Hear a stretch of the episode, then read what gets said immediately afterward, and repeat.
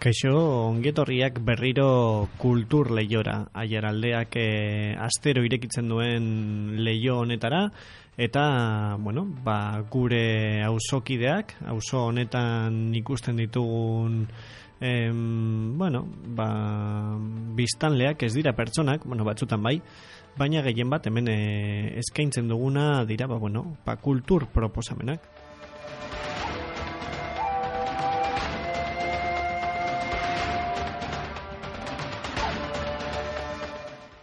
Kultur leio honetatik e, begiratzeko itura baduzue, jakingo duzue dagoeneko, bueno, ba, aiaraldea.comek e, ekoizten dituen kultur proposamen ezberdinak e, jasotzen ditugula hemen, eta beti, ba, bueno, iru ataletan e, ezberdintzen ditugu, e, ditugula, gehien bate musika, e, literatura eta sinema.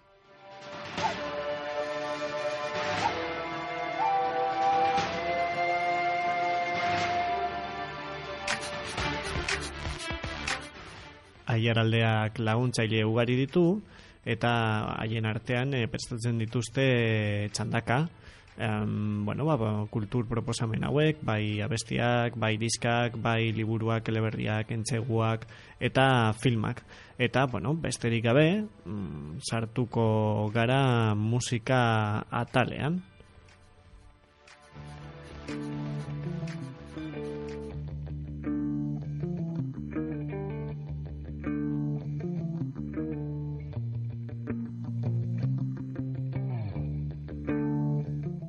eta bueno, ba, aste honetan mm, Peru e, Peruren txalda izan da Mario Corralek badakizue DJ-a dela eta musikarako nola baiteko irizpide oso bitxiak eta bueno, ezberdinak dituela eta aste honetan Hannah Williams and the Taste Makers e, taldea ekarri du gurera eta bueno, haiek ateratako azken diska okerez banabil I'm a good woman.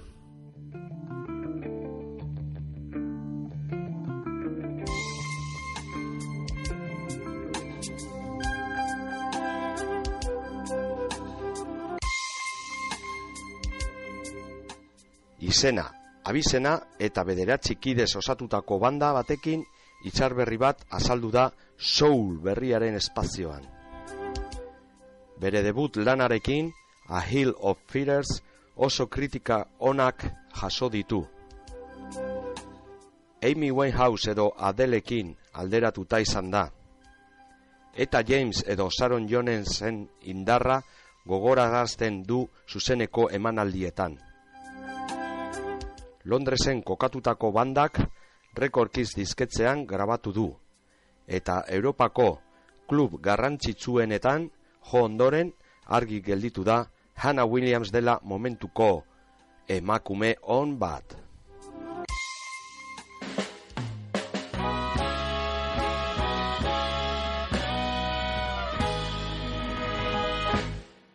You leave your home for days and days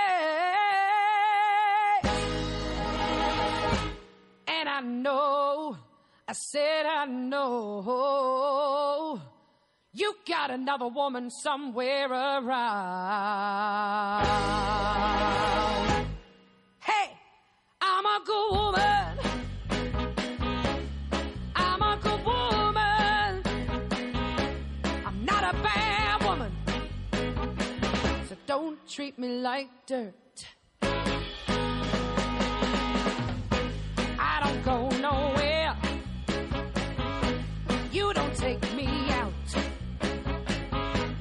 If I put on a nice dress, baby, you wanna start a fight.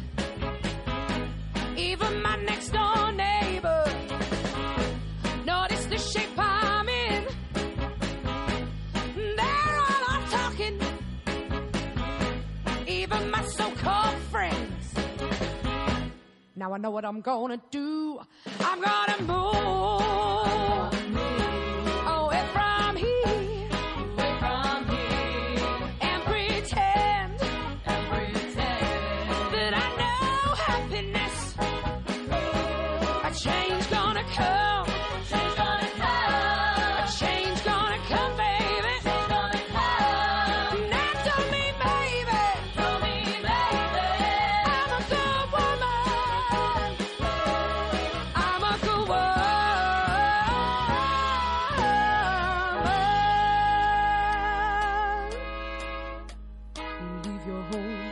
days and days.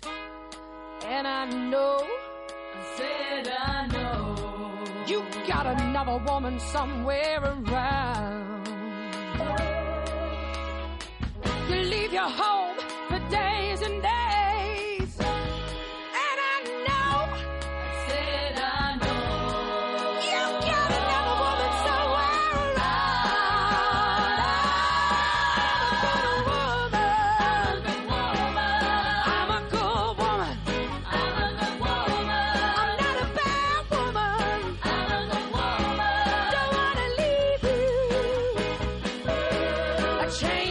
come.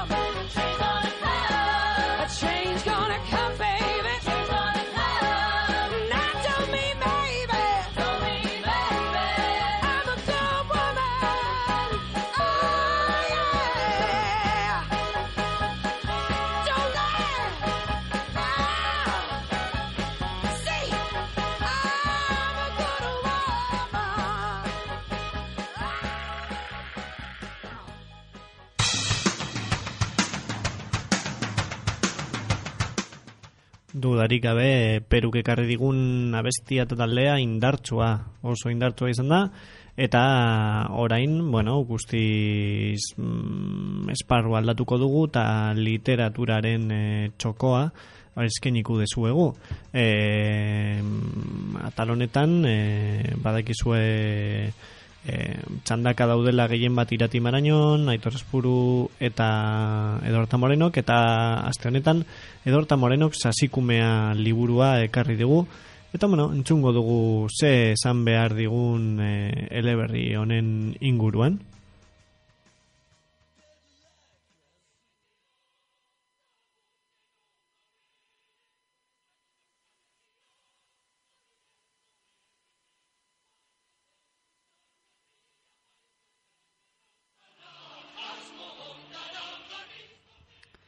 Urteak diraia da, historikoak baino, sasi historikoak diren eleberriak moda-modan jarri zirenetik. Batez ere nolabaiteko thriller itxura daukatenak eta sinesgarritasun edo eta seriotasun handiegirik gabe gaia jorratzen dituztenak. Templarioak, sekta religiosoak, azpiloko, konplot eta konspirazioak jorratzen dituzte honako novela hauek, Eta azken urte hauetan tapameko novela merke hauek gure liburu denda eta liburutegietako apalak ia eztan egin arte bete dituzte. Gaurkoan, guzti honetaz ze zer izan dezaken liburu bat hartuko dugu izpide gisa. Alberto Irigoyenen saksikumea.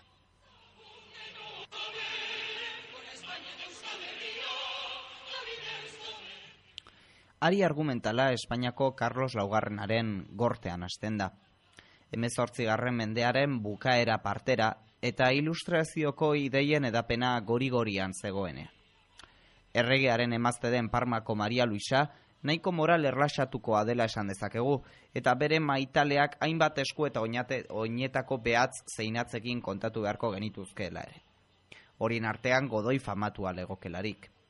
Erret guardiako soldadu utx izatetik, lehen ministro izatera pasazena erreginaren eraginez. Maria Luisaren abentura txauetako batetik sortuko zen Carlos Maria de Isidro. Gerora, Fernando Zazpigarrena hiltzerakoan tronorako zuen bere eskuide aldarrikatu eta karlista dei hasiera emango ziena. Bere maitaletako batekin izandako auzi baten bitartez, erreginak, dokumentu ofizial sekretu batean bildu beharko du infantea ez legitimoa zela. Dokumentu hori argitaraterako izan balitz, errotik aldatu izango zukeen gure herriaren azken berreun urtetako historia.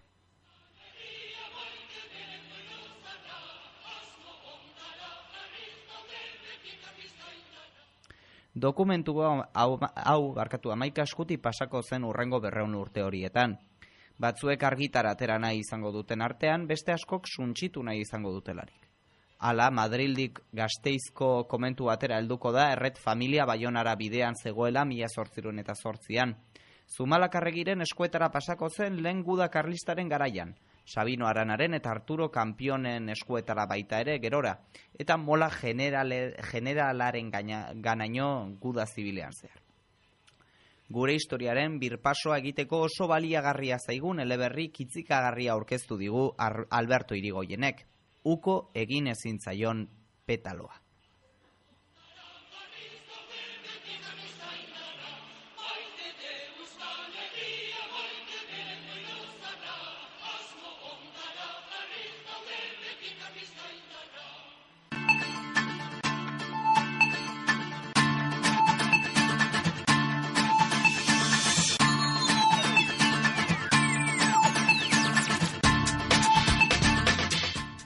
Eta auskalo kanpoko hotza edo estudiotako beroa den, baina gaur abiadura bizian goaz atal honetan, eta dagoeneko sinema atalera heldu gara, eta sinema atalean, naiz eta lander, eh, orain momentu honetan, lander arteagak, e, Madrilen lan egiten duen, ba, bere lotura jaraldearekiko eta, bueno, entzuleekiko eta kulturarekiko ez du guztiz baztertu. Eta Oscarretan em, saritu bueno, saritu izan den em, filma bat ekarri du gurera eta hori zein da, ba, Lincoln filma da. Eta bueno, ba, bere iritzia entzungo dugu pelikula honen inguruan.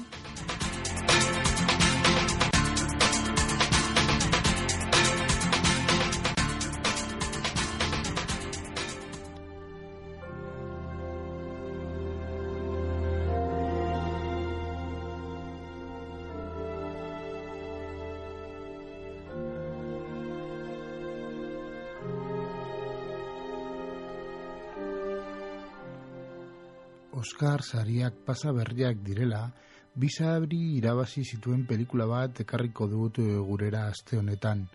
Duela mende eta erdi izan ziren gertakizunak kontatzen dituen filme intimista bat.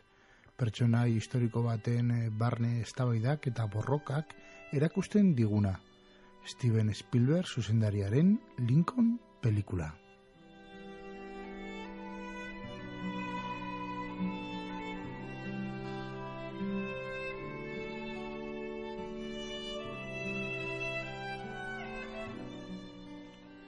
Spielberg eh, beraren hitzak Lincoln bere filme Europarrena da.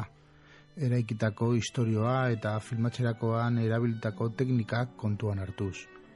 Plano orokorrez, iluntasunaren bidez eraikitako argazkiaz, eta solasaldi luzez eta intimoz beteriko pelikula honetan, zuzendari estatu batuarrak lehen dakarioiaren zalantzak, barne borrokak eta ardurak aurkezten dizkigu.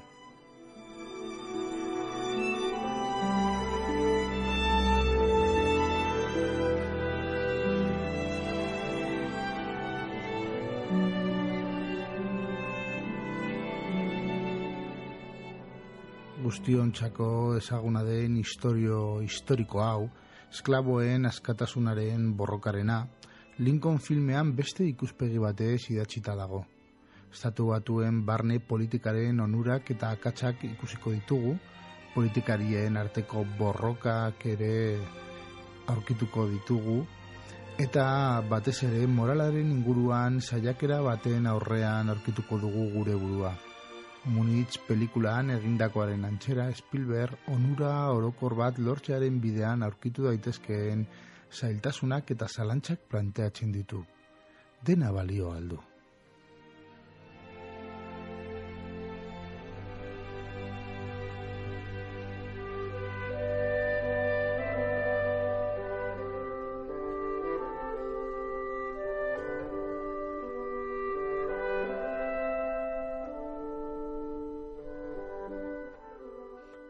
Teknikoki bikaina den pelikula honetan hiru izen azpimarratu behar dira. Oscar saria irabazi zuen Rick Carter produkzio diseinatzailearena, Janus Kamiski argazki zuzendariarena eta nola ez John Williams musikariarena. Hiru pertsona hauen lana miresgarria delarik.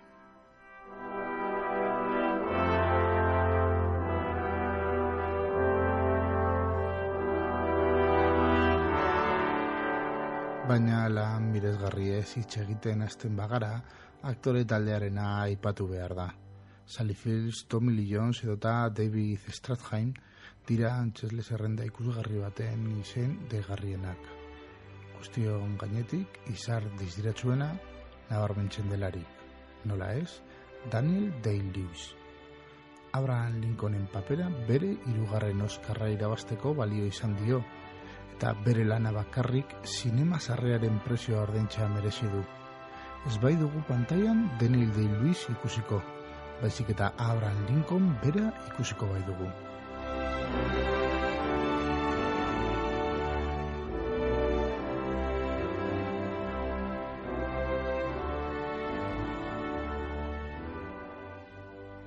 Laburbilduz Steven Spielbergen pelikula paregare bat. Letra larri idazten den historiaren zatitxo baten islada. Beste hitz batzuk erabiliz, sinemara joateko aitzakirik onena.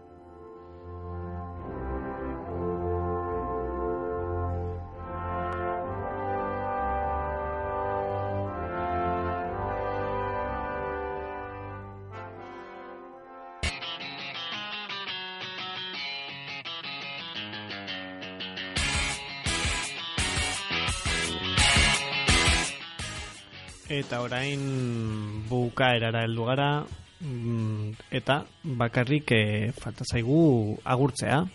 Agurtzea, baina ez betiko agurra, badakizue urrengo astean, hemen egongo garla berriro, eta filma abesti diska liburu entzegu novela historiko ugari e, ditugula oraindik zuei eskaintzeke. Orduan, e, gaurko bukatzu, bukatu emango dugu atala, baina, bueno, urrengo astean e, berriro gurekin egotea espero dugu.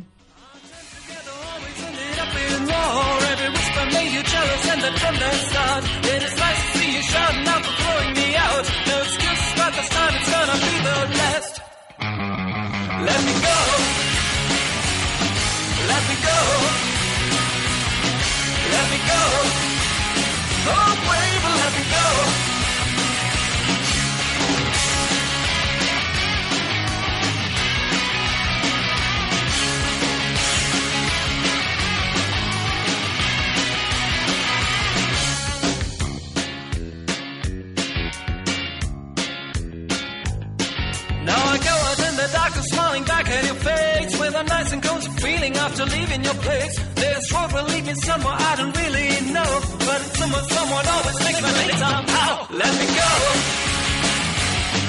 Let me go. Let me go. Stop trying. Let me go. Let me go.